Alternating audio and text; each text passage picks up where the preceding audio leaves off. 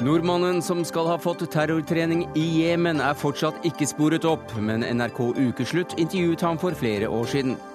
Stort møte om Syrias framtid i Paris. Statssekretær Torgeir Larsen forteller hva som har skjedd, og general Mood kommenterer fra Damaskus. Alle avisoppslagene om flåtten har fått fagfolk til å bite fra seg, skaper unødvendig hysteri, sier ekspert, og møter Dagbladets sjefredaktør til debatt.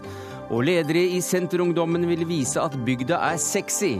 Vise pupper og lår med potente landbruksvarer som Ja, som hva da, spør vi, og Cupido-redaktøren svarer.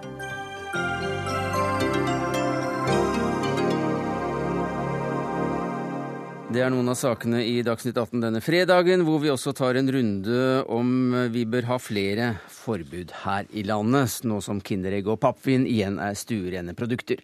Men der vi starter med streiken og lockouten i oljesektoren, som eh, ikke er ulovlige, men som kanskje er over mens dette sies. For arbeidsminister Hanne Bjurstrøm kalte partene inn til et møte nå for et minutt siden, etter at arbeidsgiverne varslet lockout i går og full stans på norsk sokkel fra mandag. Reporter Per Arne Bjerke, du står utenfor eh, ministerens kontor. Hva skjer? Ja, Nå er fagforeningene og arbeidsgiverne inne hos Hanne Bjurstrøm for å høre hva hun har å si. Hun har jo da innkalt partene, og så får vi høre hva hun eh, kommer fram til. Det er jo to muligheter her. Enten så sier hun at det blir tvungen lønnsnemnd, og dermed er streiken over. Eller så vil hun anmode partene om å forsøke enda en forhandlingsrunde, og forsøke å få til en løsning på egen hånd, slik at ikke olje- og gassproduksjon i Nordsjøen blir lammet. Da kommer vi tilbake til eh, deg når vi vet mer, og forhåpentligvis får partene i tale også. Takk skal du ha, Per Arne Bjerke.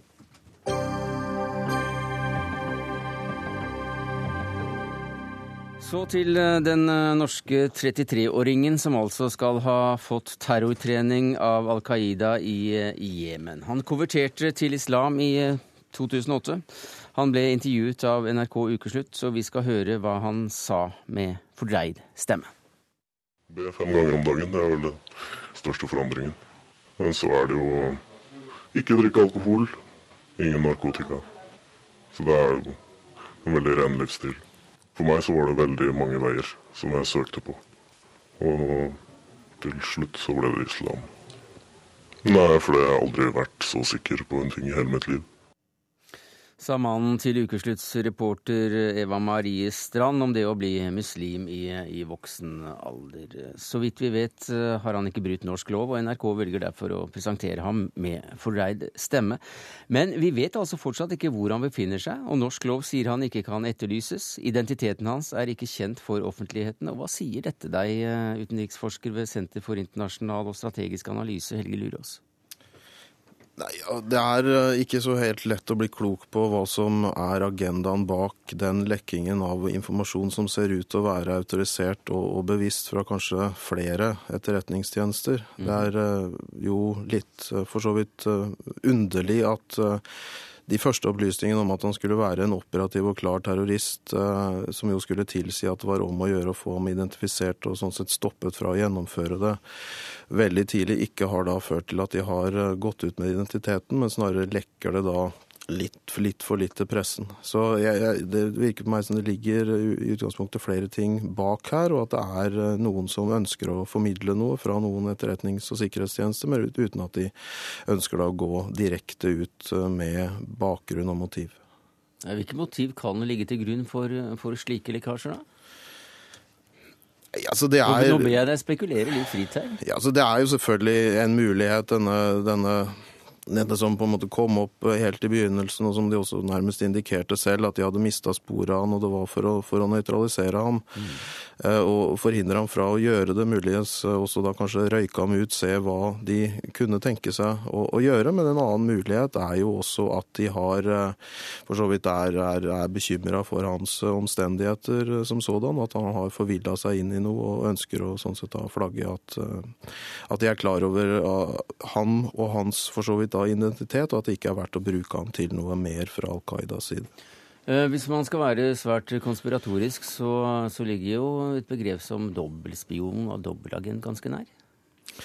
Altså det, det, har jeg ingen for så vidt informasjoner om at skulle være tilfellet her, men det er klart at i de miljøene han har vanka, så har han sikkert hatt kontakt med Eh, sikkerhetstjenester, og det er kanskje naturlig å tenke på PST, som enten da har hatt eh, i disse miljøene han har vanka bekymringssamtaler, og i den grad det kanskje da ikke har virket, så har de fortsatt å, følge opp den personen.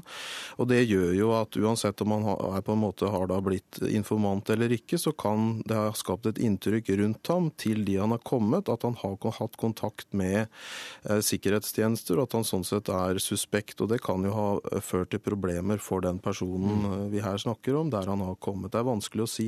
Man trenger ikke nødvendigvis selv å vite at man er informant, eller hvordan man blir betrakta fra en sikkerhetstjeneste. Det er mange muligheter her, jeg, jeg, vet ikke. Og det er flere tjenester?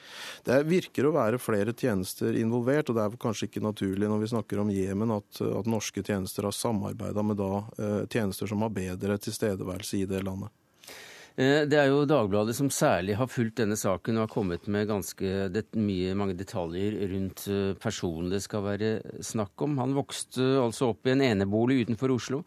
Og du skriver om et mønster som kommentator i Dagbladet i dag, eh, Jon Olav Egeland. Hva slags mønster er det du ser?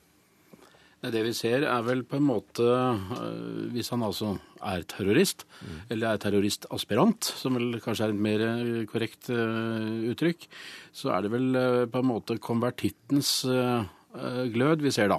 Dette er ikke noe ukjent fenomen i, i, innenfor terrorverden.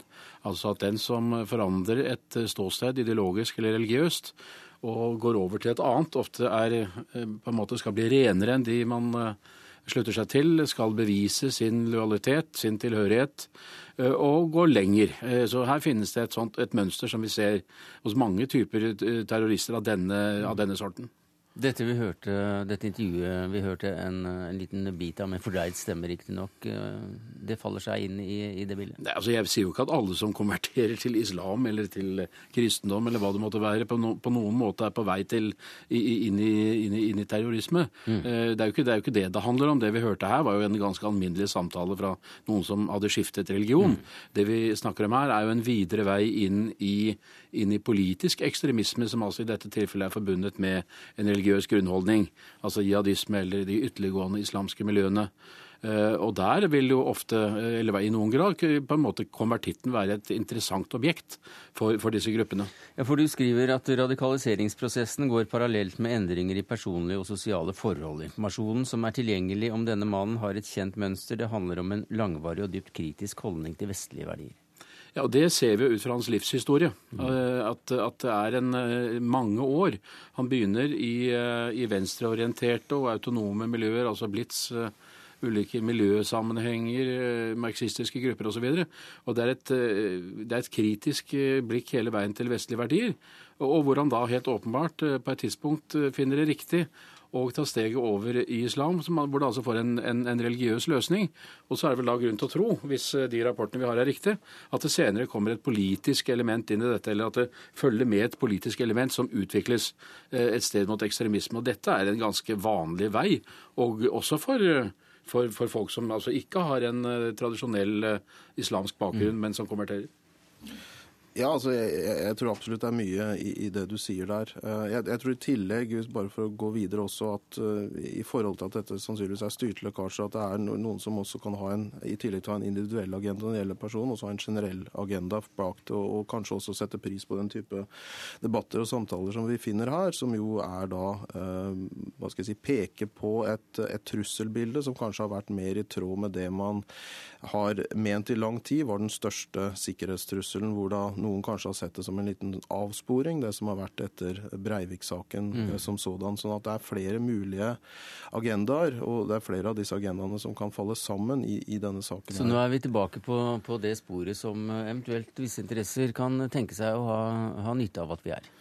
Ja, det tror jeg egentlig. Eh, selv om jeg, jeg, jeg, tror denne saken er sammensatt. Jeg tror ikke det bare er én. Jeg tror ikke det bare er de generelle motivene som i utgangspunktet uh, er bak. Jeg tror nok det har noe med denne enkeltpersonen å gjøre også, men at dette faller sammen mm. med en agenda som noen flere har. For det virker på meg som om en del av disse etterretningskildene er mer snakkesalig enn de pleier, og da er det alltid grunn til å stille seg spørsmålstegnet hva som ligger bak. Og det er en del ting ved denne saken som ikke gir umiddelbart mening, spesielt det som kom ut helt tidlig, at han skulle være en veldig klar operativ terrorist. For da virker det å være andre måter å, å sånn sett gjøre det på. Ja, Hvor kommer lekkasjene fra, Egeland? Det er din avis?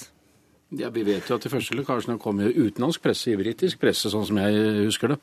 Eh, så har vi jobbet videre i forhold til norske kilder på dette, uten at jeg selvfølgelig kan gå nærmere inn på det. det Men eh, det du kan gå nærmere inn på, det er eh, denne, dette som nå ble dratt fram, nemlig en slags parallell, eller i hvert fall en referanse som er mulig å dra fram, Anders Behring Breivik. Ja, Nå må vi huske på at det er en helt grunnleggende forskjell. da. Breivik har vedgått å ha drept 77 mennesker. Denne andre personen er altså ikke siktet eller tiltalt for noen ting som helst. Men det finnes en del likheter i livsløpene og de bruddene som de har hatt i livene sine. Eh, vi kan jo nevne at de har lik alder, ikke at det er noe særlig indikasjon på noen ting som helst. Men det viktigste er vel at de begge på et tidspunkt bryter i forhold til sin, uh, sine omgivelser. Og på en måte går uh, under jorden eller, eller, på en måte utvikler et, en annen type liv og andre verdier. Og at det skjer parallelt åpenbart med en personlig at det er et personlig element der, og et politisk element, eller, og, eller religiøst element. Eh, og at det på en måte da utvikles videre i voldelig retning. Det er noen paralleller som du ser her. Men dette, men dette er jo en klassisk radikaliseringsprosess for, for visse typer terrorister. Så, så, sånn sett er det ikke helt oppsiktsvekkende. Oslo vest? Ja, Oslo vest, men jeg tror ikke vi skal heller legge for mye vekt på det. Jeg tror ikke Oslo vest er spesielt uh, fruktbar mark for terrorisme. Uh, det tror jeg ville være å trekke det litt langt.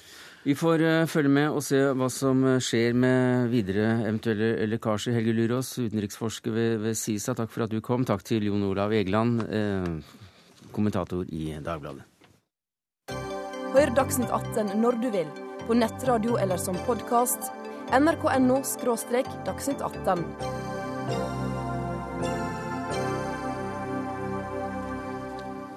Generalmajor Robert Mood, hvordan vil du karakterisere situasjonen i Syria, der du sitter i Damaskus og leder FNs observatørstyrke i dag?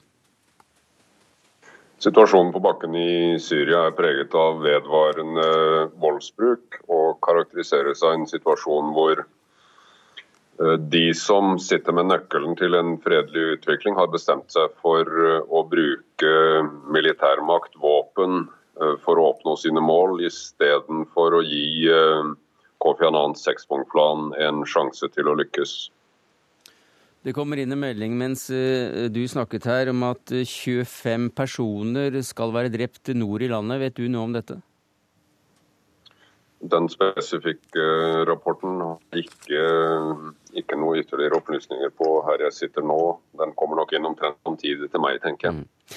Observatørene har jo lagt ned arbeidet fordi det ikke er noen våpenhvile å observere. Våpenet hviler altså aldeles ikke. Men jeg ser at du allikevel ønsker at observatørene skal gjenta arbeidet i løpet av de kommende ukene. Det må du nesten utdype.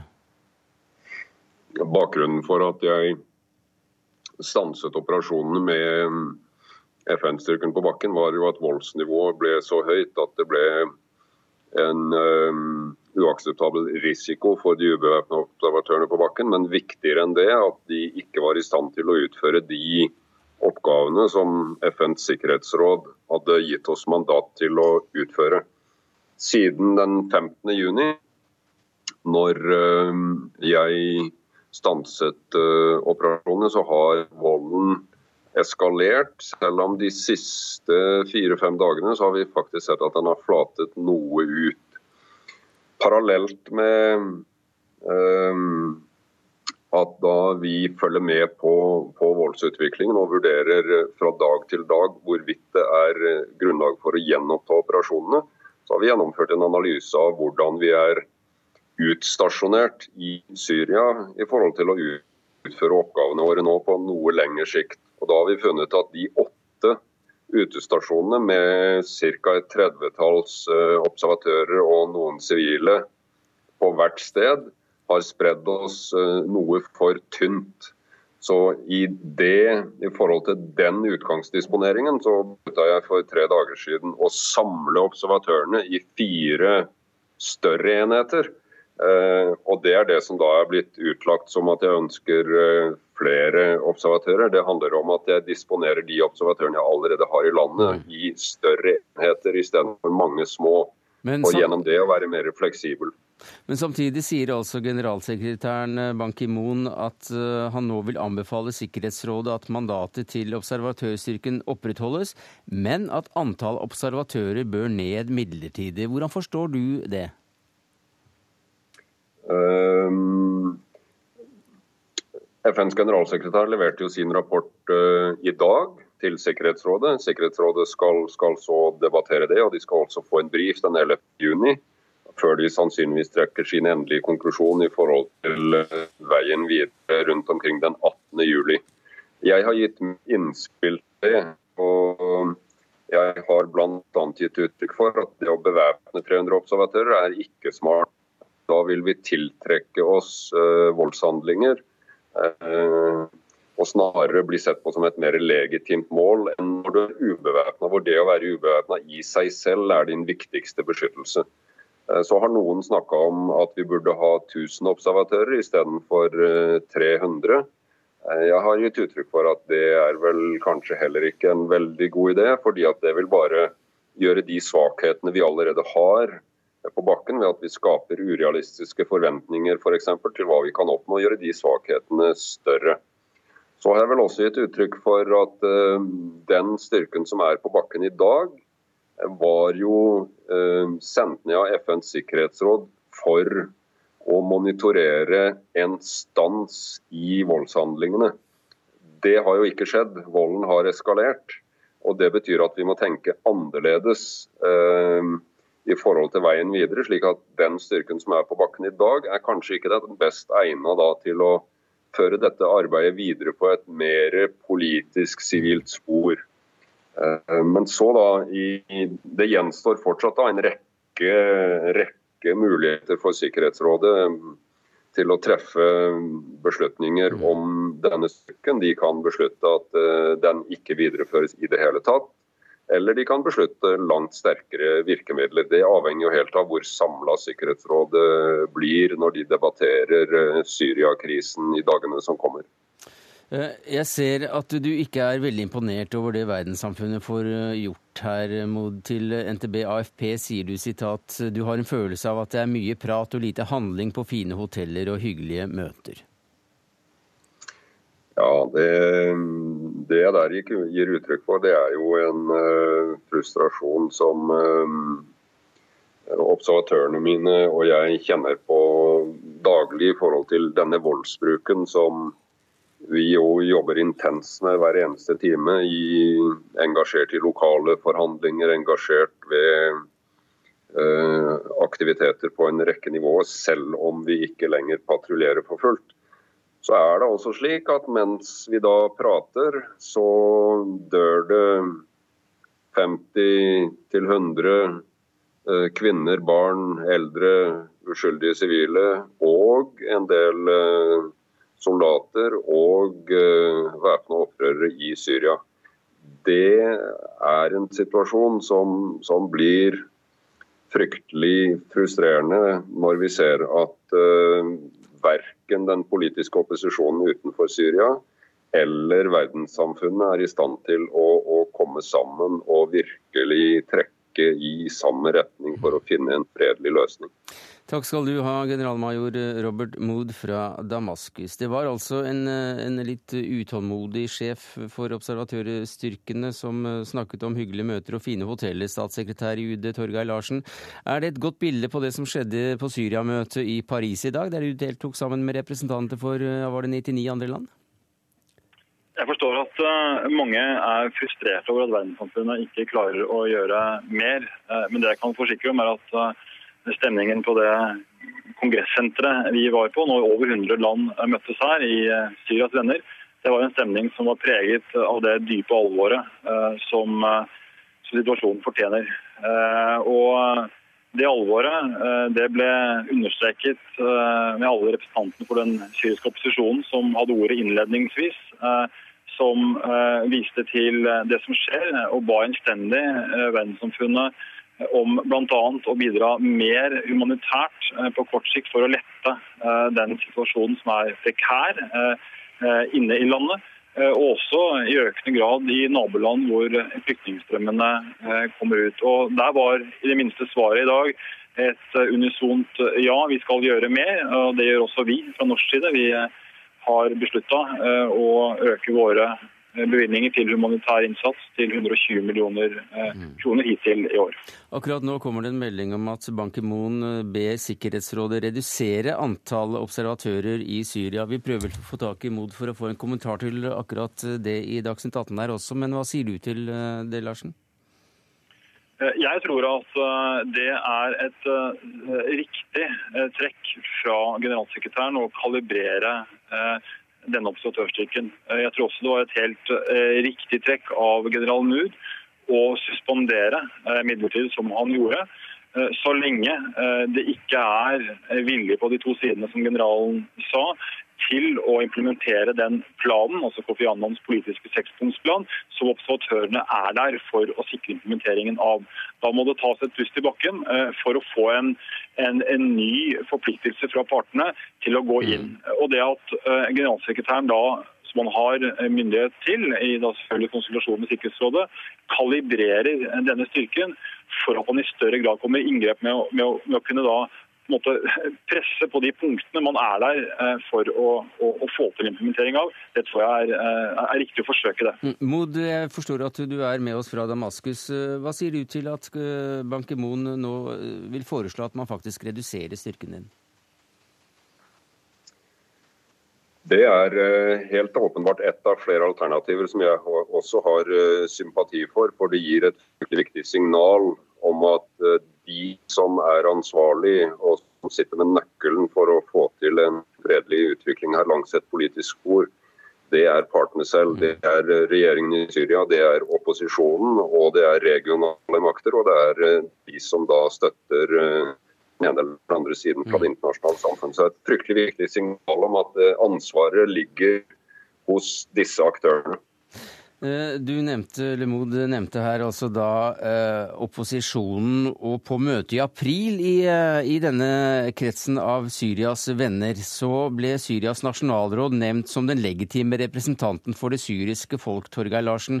Hva sier slutterklæringen fra dagens møte om, om dette? Er nasjonalrådet fremdeles sett på som den legitime representanten for det syriske folk? Altså det, det, det, nasjonale altså SNC ses fortsatt på som en, eh, en paraply.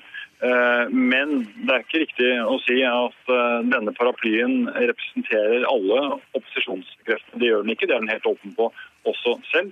SNC var her i dag. Det var også en lang rekke andre representanter som da møttes før dette møtet i Kairo for å samles om en del fellesdokumenter for å koordinere seg tettere. Eh, nå er det jo sånn at eh, Syria er et mangefasettert land med mange grupperinger. Eh, og med økende grad av altså, sekterisk altså, borgerkrig i landet, hvor du får en sentrifugalkraft, så er det ikke overraskende at opposisjonen også eh, framstår eh, som eh, ulik, som den jo er. Gro Holm, utenrikskommentator her i NRK. Det at uh, dette nasjonale rådet ikke lenger har akkurat den samme statusen, uh, oss heller ikke blant Syrias venner, hva sier det deg? Nei, Nå var det vel én legitime det ble sagt i april, men det, det, det, er, det stilling er svekket fordi eh, det har jo vist seg, og ikke minst møtet i Kairo nå på mandag, har det vist at de, de er bare én av flere grupper, og de er hovedsakelig eh, basert i utlandet. Altså det er eksilsyrere det er snakk om. De har eh, ikke så veldig gode kontakter eller så mange fotsoldater inne i landet. Derfor inngikk de også en avtale om samarbeid med den såkalte frie syriske hæren for ikke så lenge siden. Eh, men denne hæren ser nok til flere kanter. Og det er da også andre som mener at det syriske nasjonalrådet er for dominert eller for villig til å lytte til Det muslimske brorskap, og mener at islamistene får for stor innflytelse. Det finnes folk som mener at alle form for politisk dialog er bare tull, at man bare bør satse på geriljakrig. Så det er ikke, ikke noe annet eh, arabisk land eller under den arabiske våren har man sett en så bitter splittelse innad i opposisjonen. Og jeg tror også det gjør det vanskeligere for eh, utlendinger som ønsker å bidra. Og det er jo da også slik at eh, på møtet i dag så ble man enige om en massiv opptrapping av støtten til opposisjonen. Ja, men hvilken opposisjon? Mm. Og her kan jo da de ulike landene så å si plukke ut fra en lang smørbrødliste eh, av hvem de vil støtte. Enten med penger eller med våpen, eller penger til våpen, eller militær trening eller kommunikasjonsutstyr. Ja, øh, Det vil også få konsekvenser for utviklingen i, i landet at, øh, at, Syrias venner ikke lenger har en hovedsamarbeidspartner, så å si, i opposisjonen. Det kan i hvert fall få det. Vi får jo se hvordan, hvordan dette går. Men jeg tror inntrykket av splittelse er sterkere nå enn det var i april. Hva slags sanksjoner kan man tenke seg kan være mest effektive i en situasjon som dette her? Ja, det er vanskelig å se at noen sanksjoner kan tvinge Assad til å gå, og der ligger vel noe av denne avmaktsfølelsen. Altså det er, det er klart at om du gjør det vanskeligere for eh, en liste med toppledere i Syria å reise utenlands, så gjør det det vanskeligere for noen. Om du gjør det vanskeligere for dem å eh, disponere kontoer i utlandet, så gjør det også vanskeligere. Om du boikotter med kjøp av syriske varer, så er det klart det gjør det vanskeligere. Men ingen av disse tingene kan få Assad til å gå av i seg selv. Eh, og der ligger vel noe av problemet. Vi hørte så vidt noe om slutterklæringen fra dette møtet. Hvem er det som bestemmer hva som står i en slik slutterklæring når 100 venner av Syria, 100 land møtes over det? Altså, nå, jeg, nå, var jo ikke jeg til stede på møtet i dag. Ja, men du har vært på noen møter ja, da. som og det, ligner? Det, det som ofte er vanlig, er at uh, storebroren, storesøster og storebroren i USA, uh, spiller en viktig rolle. Og uh, vertslandet i å utforme teksten. Og så kommer det ofte da en, ikke en resolusjon som alle skriver under, eller alle må være enig i alt, men en uttalelse fra den som har formannskapet på konferansen. For å være uenig i den teksten, så må man virkelig slå i bordet. Så det er egentlig ikke slik at alle sitter og blir enige om en tekst. De får vite om det på forhånd og kan varsle sterk mm. uenighet, men det skal noe til. Helt kort til slutt, president president Hollande uttalte at situasjonen nå er en fare for verdensfreden. Hvilke signaler gir det? Ja, det kan du si. Eh, det, det, gir jo veldig sterke, det er jo et veldig sterkt imperativ i retning av å gjøre noe. Mm. Det er jo først og fremst adressert til Russland og Kina om å gjøre mer i Sikkerhetsrådet. Eh, men jeg er ikke sikker på at det virker. Takk skal du ha, Gro Holm, utenrikskommentator her i NRK. Takk til Torgeir Larsen, statssekretær i Utenriksdepartementet fra en flyplass utenfor Paris. Og til deg, Robert Mood, leder av FNs observatørstyrke i Syria fra Damaskus.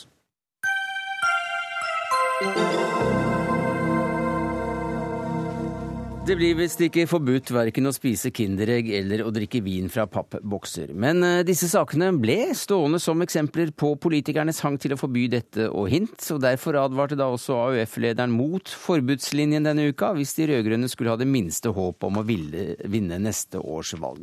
Og Mimir Kristiansson, du er journalist i Klassekampen, og du har skrevet at man må se forbudene i Norge i sammenheng med levestandarden i landet. Hva mener du med det? Altså, jeg mener det er veldig åpenbart at Norge er et land med relativt mange forbud. Eh, mye av det som vi syns er gøy på ferie, finner vi at det er forbudt i Norge. Bl.a. det å kjøpe sprit klokken fem på natten i en kiosk. Eh, men samtidig ser vi også at Norge er et ganske velfungerende samfunn. Og det er en masse dumme forbud i Norge. Samtidig er det masse forbud vi også burde hatt, som vi ikke har. Enten det er mot hedgefond på børsen eller mot uh, utbytte fra private barnehager. Men det blir for dumt å si at forbud ensidig har vært et onde, nettopp fordi at så mange av de institusjonene vi har bygd, enten det handler om arbeidsmiljøloven eller om andre ting, er regulert gjennom forbud. Og F.eks. For forbudet mot å jobbe så mye overtid du vil, som man har i, ikke har i enkelte andre land, det bidrar til at vi i Norge har et ganske regulert og greit arbeidsliv, og det tror jeg de aller fleste er veldig glad for. Hva sier du til det, Sveinung Rotevatn? Du er leder i Unge Venstre og skrev et debattinnlegg hvor du ramser opp 21 forbud som bør oppheves straks, og mener at det er altfor mange forbud her til land. Jeg er ikke mot alle forbud av prinsipp, men jeg mener at vi i Norge har hatt litt for lett for å ta til forbudsverktøyet når det gjelder særlig å tvinge gjennom ulike eh, moralsyn. Vi har hatt mange merkelige forbud i Norge som vi heldigvis har kommet oss unna, det være seg skateboardforbud eller homofiliforbud eller blasfemiforbud.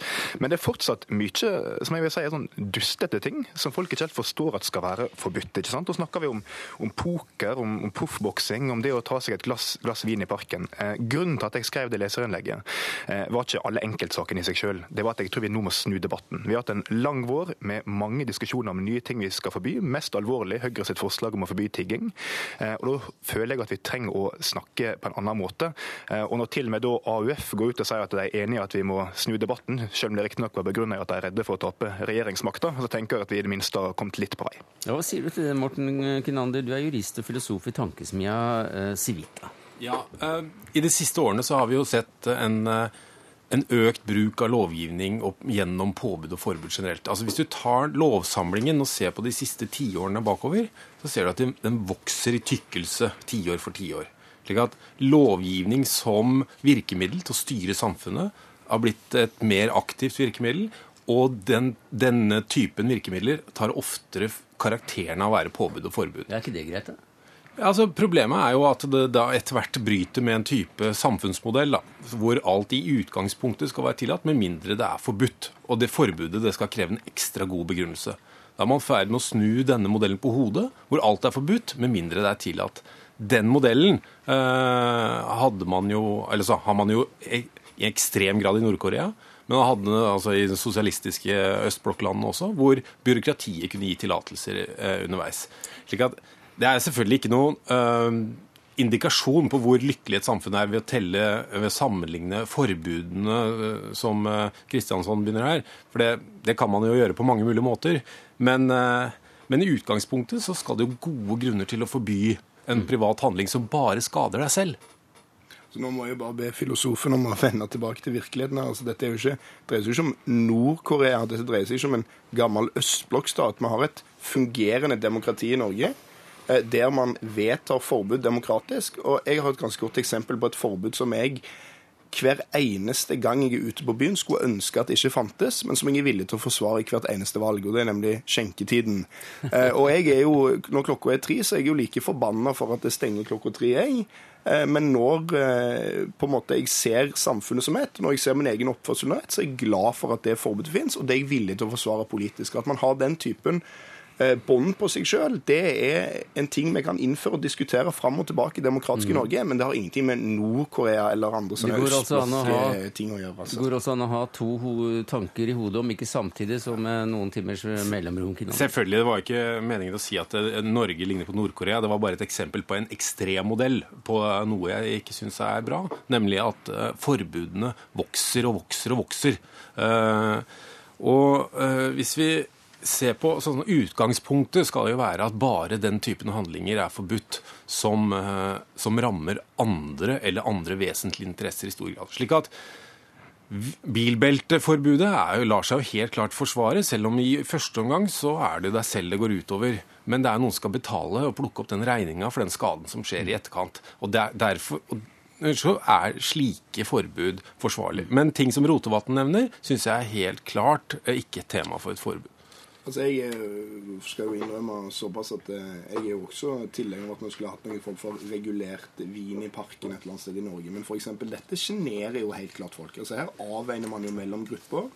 Eh, grunnen til at det forbudet fungerer dårlig, er at det ikke blir fulgt. Eh, folk drikker i parken uansett. Men det er helt klart at det har en kostnad og en pris. Og vi skal ikke glemme at den politiske retningen som høyresiden representerer, har jo anvendt den samme prinsipielle argumentasjonen helt tilbake til man skulle forby folk å på en måte jobbe mer enn ti timer eller mer enn åtte timer eller hva som helst. Og vi vet jo at en del forbud i Norge er frihetsskapende. F.eks. For forbudet mot å jobbe så mye overtid du vil. Det gir arbeidstakerne mm. frihet. I prinsipielt så er det et forbud. Det hindrer deg noe.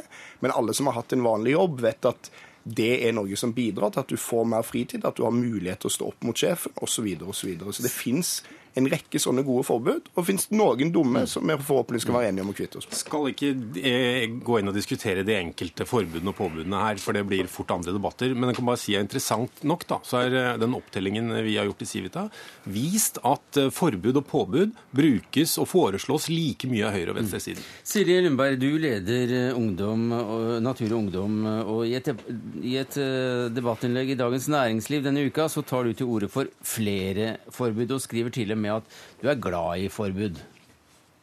Jeg er det, og det er jo fordi at eh, for miljøet så trenger vi at eh, man har gode forbud som, eh, som gjør at man tar vare på andre vesentlige interesser, da bl.a. tar miljø- og klimahensyn. Og der ser vi at av og til på en del av de miljøproblemene som man har hatt gjennom tidene, så er det kanskje fordi at man har tillatt for mye og sagt ja til for mange ting, og at man derfor trenger litt flere påbud som kan regulere at man faktisk greier å ta vare på den verdifulle naturen som vi har, og også greier å kutte klimagassutslippene i Norge. Så folk må tvinges til å velge miljøvennlig? Ja, men samtidig som man gjør det, så må man jo selvfølgelig gjøre det enkelt å velge miljøvennlig. sånn at det er jo en god blanding av på en måte pisk og gulrot.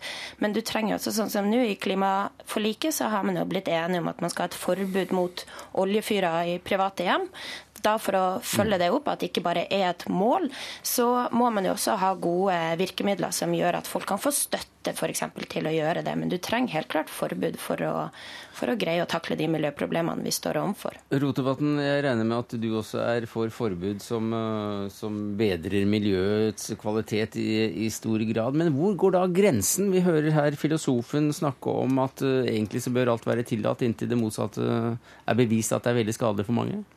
Ja, Det er jeg helt enig i, at bevisbyrden må være på de som vil forby. Nei, Hvor grensa skal gå nøyaktig, er selvsagt, det er jo det som er diskusjonen. Men jeg tror i hvert fall det viktig for debatten sin del at vi skiller mellom det som bare går utover deg sjøl, og som du gjør frivillig, og det som går utover dine medmennesker eller naturen vi omgir oss med. Eh, professor i kriminologi Ragnar Hauge sa en gang at å bruke straffelova som folkeoppdragende middel, det er misbruk av tvangsmakt. Det er jeg enig i. For det, selv om Kristiansand har rett i at vi har det godt i Norge, som er Europas nest rikeste land, så er ikke det slik at straffeloven vår er perfekt. og Det er litt for mye som står der, som ikke burde stå der. Og Dette henger nøye sammen med det som har vært Venstre slagord tidligere, nemlig frihet og ansvar.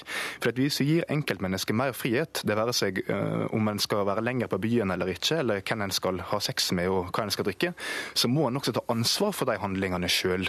Og når staten hele tida skal være barneoppdrager og passe på å tvinge flertallet sin moral nedover mindretallet, så uh, undergraver det ansvarsfølelsen hos den mm. enkelte borger, og det syns jeg er illiberalt og en dårlig vei for et liberalt samfunn å gå i. Kristiansson.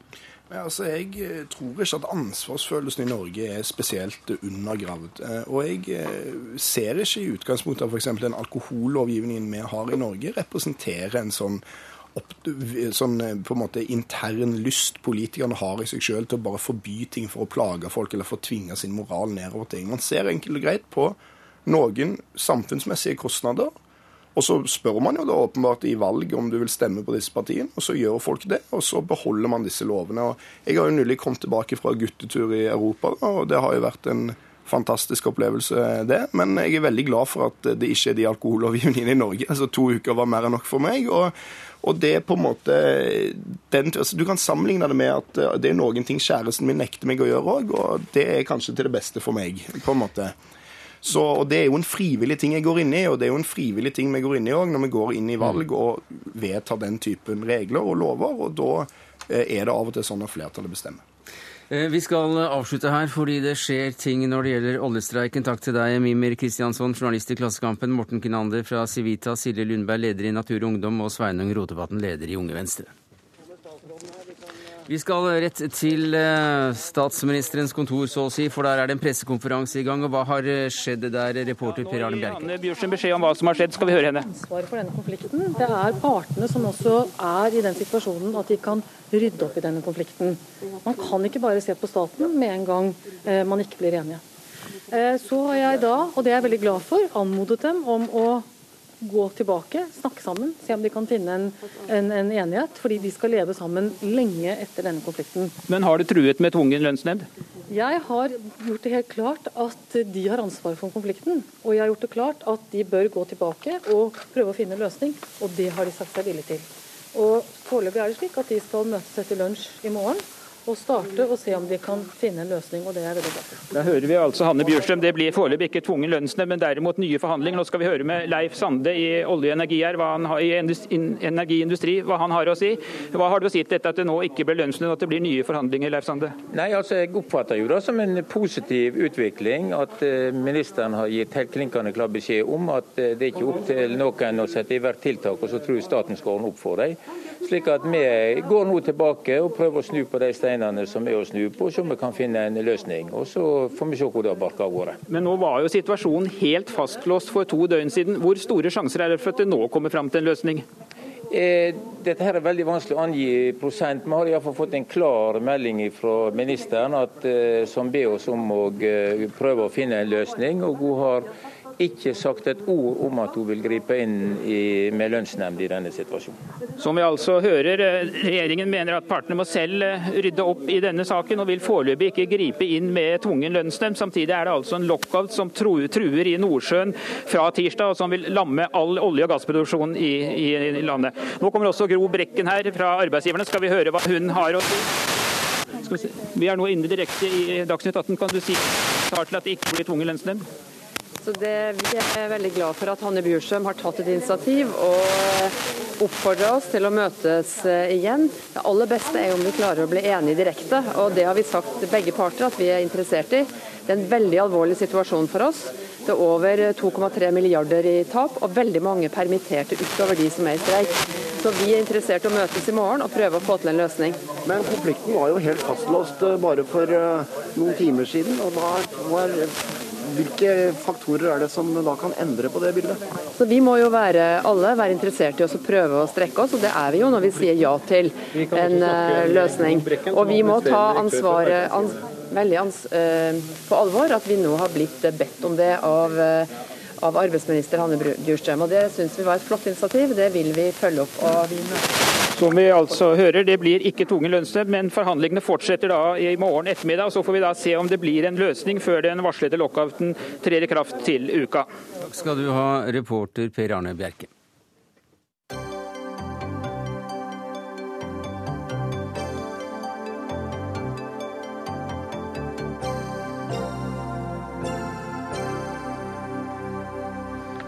Ja, Som noen kanskje har fått med seg, så er det ikke bare, det ikke bare flåtten et svært farlig dyr, men eh, det er også ganske mange av dem. Så stor er flåttfaren at bare Dagbladet har hatt ni førstesideoppslag om dette udyret de siste ukene. Og hva synes du om eh, måten tabloidavisene, tabloidavisene framstiller flåttfaren på, Dag Beril? Du er spesialist i infeksjonssykdommer. Ja, jeg syns det er veldig overdrevet. Altså. Det er veldig få alvorlige tilfeller av flåttsykdom, og det skaper veldig mye frykt, den måten det blir tabloisert på. Ja, Vi sitter jo her med, no med, med noen eksempler. altså eh, Flått sprer skrekksykdom, invasjon i sommer, ny farlig flått. Flåttofre behandles i skjul. Er ikke det folkeopplysning, da? Nei, tvert imot. Det er fordummende for den norske befolkning, og etter mitt skjønn en grov undervurdering av det norske folks eh, intellekt og dømmekraft. Ja, for Du og en eh, gruppe med eh, eksperter har da skrevet en kronikk i Dagbladet i dag, der, der de særlig reagerer på Dagbladet og VGs dekning av, av flåten. Hvilke virkninger mener du den dekningen da kan ha, i verste fall? Ja, for det første Eller det er mange ting, men altså én ting er det skaper nok en del frykt mm. for flått. Jeg satt senest her ute og snakka med en, en, dame, og hun sa hun har, hun har frykt for flått. Og det er ikke nødvendig, for det er normalt en veldig mild sykdom som vi kan behandle. Så fører det til overdiagnostisering og overbehandling. Og overbehandling, det skal vi helst unngå. Og så har det dukka opp sånne selverklærte eksperter, da, som mener at de har funnet løsningen, og, og der har pressen haussa opp de såkalte ekspertene, da, som etter mitt skjønn feilbehandler pasientene. Og det, det, liker jeg ikke. Jeg mener det må være rasjonelt, det vi eh, gjør når vi skal behandle våre kjære pasienter. Dagbladet fører altså folk eh, bak lyset og sprer frykt. Det blir eh, overbehandling, og dere fremmer også kvakksalvernes mulighet for å tjene penger her. Jonan Markussen, du er sjefredaktør i Dagbladet. Hva sier du til dette? Um, For det første vil jeg si at uh, det er et sikkert tegn på stor interesse for flått og flåttbårne sykdommer at den faktisk har vært flere ganger på Dagbladets første side denne våren og forsommeren. Det er det ene.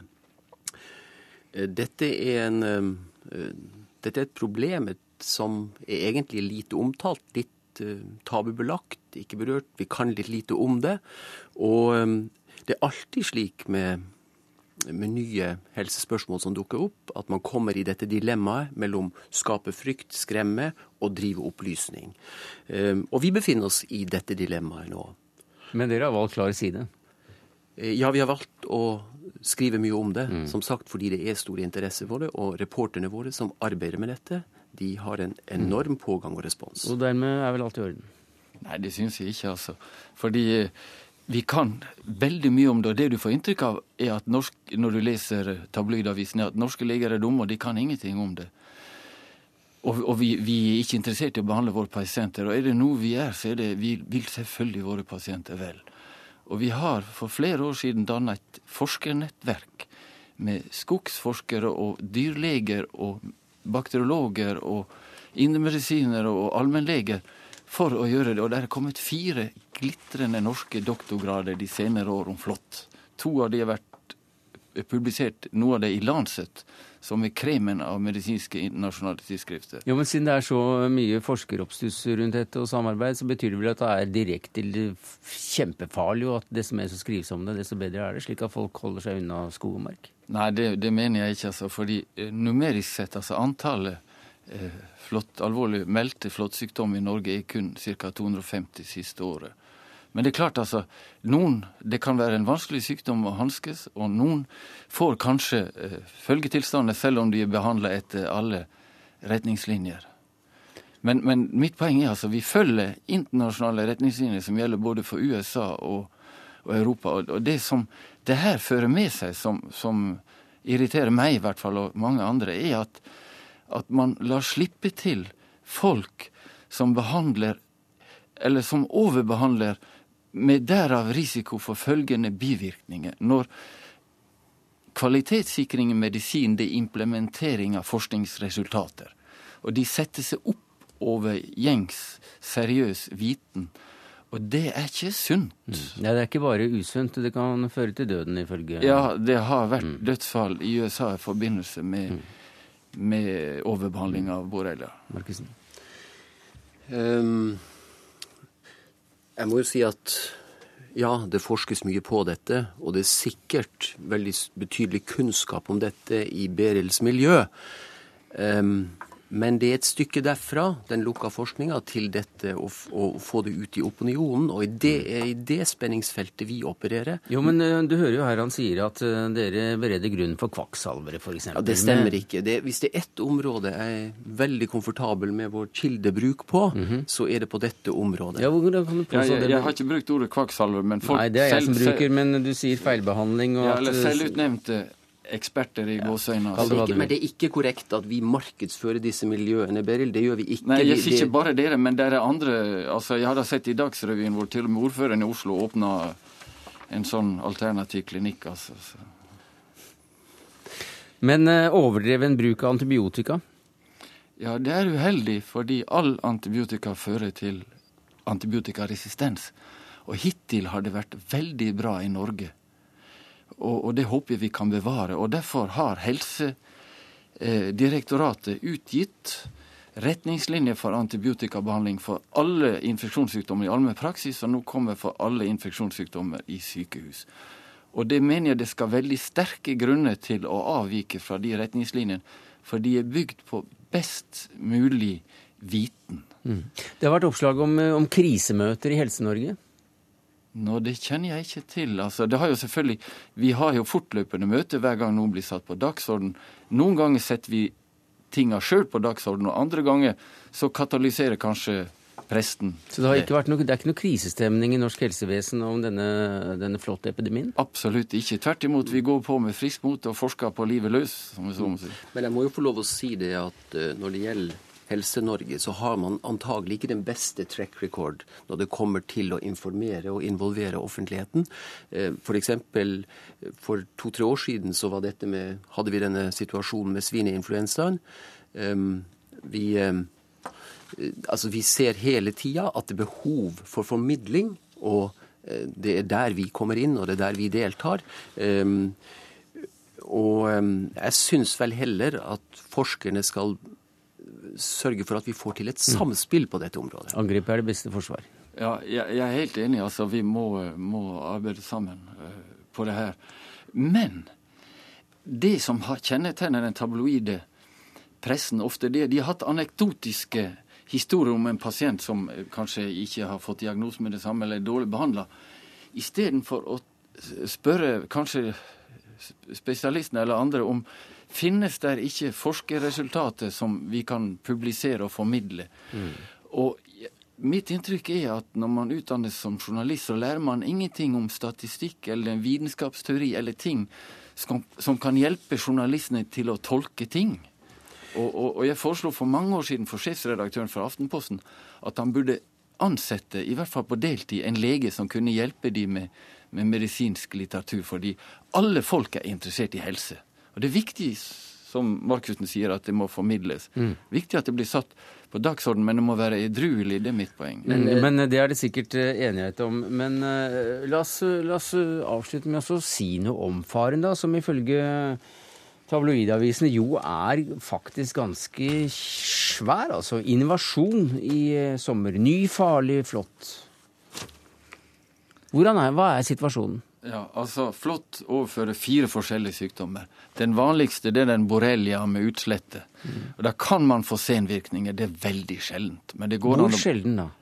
Ja, Nei, Det har jeg ikke tall på, men det, det er kanskje én eller fem per million per år eller noe sånt som kan få senvirkninger. Mm.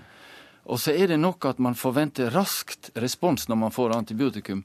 Men hvis man har fått en hjernehinnebetennelse, så tar det veldig lang tid før hjern, hjernevevet eh, blir friskt igjen. Og da kan det gå måneder og halve og hele år før folk er helt på topp. Så forventningene til at man skal bli raskt helbredt, er også veldig store. Vi eh, savner kanskje ulven, noen av oss, som eh, hovedoppslag både i Dagbladet, VG og, og, i NRK. Hvor er det blitt av den? Det er enda, det er enda muligheter for det. Nei, for det er, det er en slags trend. Dere gir folk det folk vil ha. Ja, det, det er helt riktig at vi gjør det. Eh, og eh, det å, å, jobbe i media dreier seg også om sesong, mm. og hva man er opptatt av.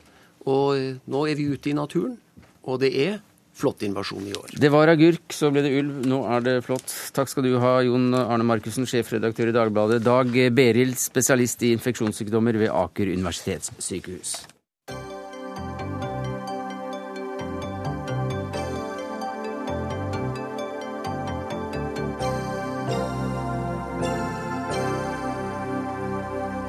Ja, mer om eh, agurker, eller iallfall landbruksprodukter. For dype kløfter, potente landbruksvarer, syndige blikk og nakne lår på en seng av malm og høy.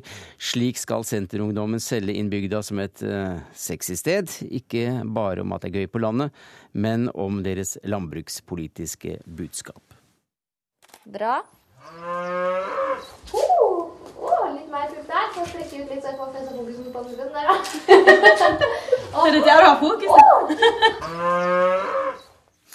Ja, eh, I dag så avsluttet eh, ungdomspartiet en lengre fotoseanse på Inderøya i Trøndelag, som skal munne ut i en slags eh, kalender. Sandra Borch, du er leder i Senterungdommen. Hvordan ble bildene av deg?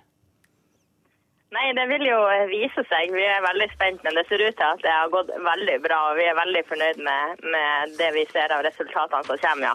ja hvordan, eh, var du, hvordan var det kledd? Var det mye tekstil?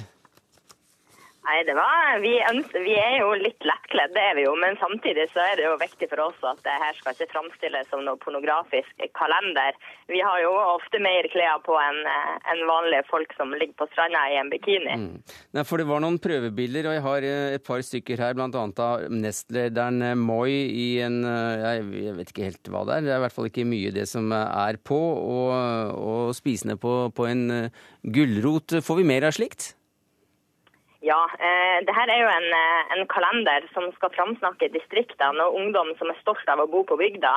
Alle de her ungdommene som er med i denne kalenderen er medlemmer av Senterungdommen og har høye politiske verv i organisasjonen, og de kommer fra ei bygd. Og så er det jo viktig å si at kalenderen skal framsnakke ulike næringer. Sånn som Nina, nå, Nina Moi, som er på det bildet som du snakker om, eh, spiser på gulrøtter, så er det snakk om å forske på gulrøtter. Mm. Røtter er sunt, røtter er sunt Ja, året rundt. Men, men Sandra Borch, vi har også et bilde her eh, der du står med ganske nedsunket blikk, men eh, ellers har mye pushups. Eh, Hva er det det skal formidle om senterungdommen og mulighetene for å overleve på bygda? Men Det er viktig at det der bildet er å ta det backstage, sånn at eh, det helhetlige bildet er ikke sånn. Det fronter også i næring.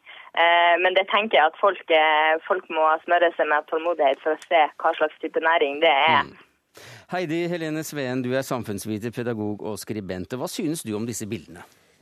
Jeg synes jo det at de er ganske eh, tradisjonelle. De spiller på alle pornoklisjeene vi kjenner til. Eh, og så tenker jeg det at hvis et ungdomsparti må ty til sex for å selge inn et politisk budskap, da tror jeg vi snakker om tidenes politiske eh, fallitterklæring, rett og slett. Eh, så jeg tenker at eh, dette er vel en demonstrasjon i avmakt og ikke makt. Hva sier du til det, Borch? Nei, jeg syns jo det, det er smålig å, å, å si noe sånt. Vi har, vi har det veldig, jeg har hatt en, et enormt engasjement rundt denne kalenderen, og det er viktig at det er, den næ- det næring vi skal, eh, som er budskapet vår, vårt, og også fronting av sunn norsk ungdom. Dette er ungdommer som spiser grovbrød og drikker melk til frokost. Det er ikke ungdommer som går på dietter. Jeg syns dette er sunne norske forbilder. Hva sier du til det? Nei, altså Sunne norske forbilder. Det er flotte mennesker i, i disse bildene, det er det ingen tvil om. Men, men det er jo sex som er signalet, og ikke gulrøtter og sunt kosthold. Kombinasjonen? Jeg tror folk mest ser pupper, for å være helt ærlig. Borch? Nei, jeg, jeg er uenig. Det, det er artig å høre folk Jeg skjønner jo at folk blir kritiske, men vi har hatt det veldig artig med denne kalenderen. Vi har fått stor støtte. Og det viser jo også at forhåndssalget på kalenderen er, er veldig stort. eh, Og det tror jeg kommer til å, å slå veldig bra an. Tore Aasheim, du er en ekspert her som eh, redaktør for Cupido, og, og da en kyndig kommentator på dette. Du har sett en del av bildene, du har sett videoklipp fra fotograferingen. Eh, Er det noe å hisse seg opp for, eller eh, bli opphisset av, slik du ser det? Nei, eh, nesten ingen av delene, holdt jeg på å si. Det er veldig søte bilder. Eh, jeg syns det er veldig morsom eh, gimmick. Og jeg syns for så vidt eh, Senterungdommen de klarer jo å få oppmerksomhet rundt det, og det går ut ifra det, det som er meningen. Eh, Det at de leker seg med sex på den måten og, og pirrer både kritikere og andre som syns at bildene er deilige, det syns jeg bare er kjempefint. Ja, hva slags bilder er det? Det er eh, ganske lekne bilder. Eh, Kan du beskrive et, av- et av dem? Ja, altså det er jo flott ungdom satt i en uh, sammenheng ute på Bygde-Norge. Eksempel dette med nestlederen. Ja, Uh, og altså poenget er at et pornobilde blir aldri verre enn de tankene du har i hodet ditt sjøl. Sånn at uh, hvis, du er, eh, hvis du ønsker at det skal være et uh, bilde, så blir det det uansett. Eh, og når du vet bakgrunnen til det her, og at de har hatt det moro, og de har sikkert hatt det kjempemoro på, på fotosession, og bare at vi sitter her og prater om det, da tror jeg de har oppnådd halvparten Ja, av effekten nettopp. de ønsket å oppnå. Men uh, hvis vi da ser dette her som, uh, som en del av noe, hva slags, uh, hva slags sammenheng kan du sette det i når det gjelder synet på, på, på sex og landbruk? Eh, nei, jeg vet ikke. Altså, det, det kan jo bli veldig feil hvis man går eh, feil retning. Men, eh, men eh, jeg tror altså sex er en del av folks hverdag, enten du bor på bygda eller i byen. Men byg, bygdesex, er det noe som kommer nå? det har bestandig vært der. Og det, dette er egentlig ganske morsomt, fordi at Cupido hvert år arrangerer en stor erotikkonkurranse.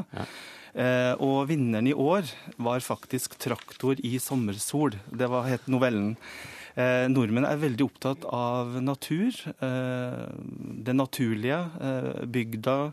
Eh, hytta, setra. Vi får veldig mye historier som de skriver fra det miljøet. Så jeg tror faktisk Senterungdommen har møtt, eh, eller truffet en nerve de egentlig ikke visste fantes. Borch? Ja, jeg må jo si at eh, Det som er viktig for oss her, det er jo at det her skal ikke være pornografiske bilder som er tatt rett ut av eh, pornofilm eller FHM. Det her er naturlige bilder som er litt lettkledd og litt frekk. Og det syns jeg en eh, ungdomsorganisasjon kan få lov til å gjøre. Politikk er ikke bare alvorlig. Eh, og når vi da har et budskap i tillegg, så, så er det her ufattelig bra. Og vi har også fått bare positive reaksjoner fra moderpartiet også, så jeg tror det her kommer til å bli en slager. Ja, Navarsete, hva sier hun? Hun er, jeg tror hun er veldig positiv. Og har i alle fall sagt at hun ønsker å bestille kalenderen, så jeg tror det blir bra. Jeg har hørt rykter om at det er snakk om at det blir en lignende kalender neste år for de over 50?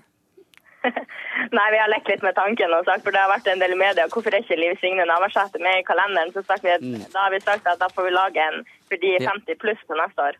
Takk skal du ha, Sandra Borch, leder av Sentrumdommen. Takk til Heidi Helene Sveen, samfunnsviter, pedagog og skribent, og Tore Aasheim, redaktør av Cupido. Det var det vi rakk denne fredagen, takket være ansvarlig for det hele Dag Dørum. Det tekniske ansvaret hadde Lisbeth Sellereite. Jeg heter Sverre Tom Radøy.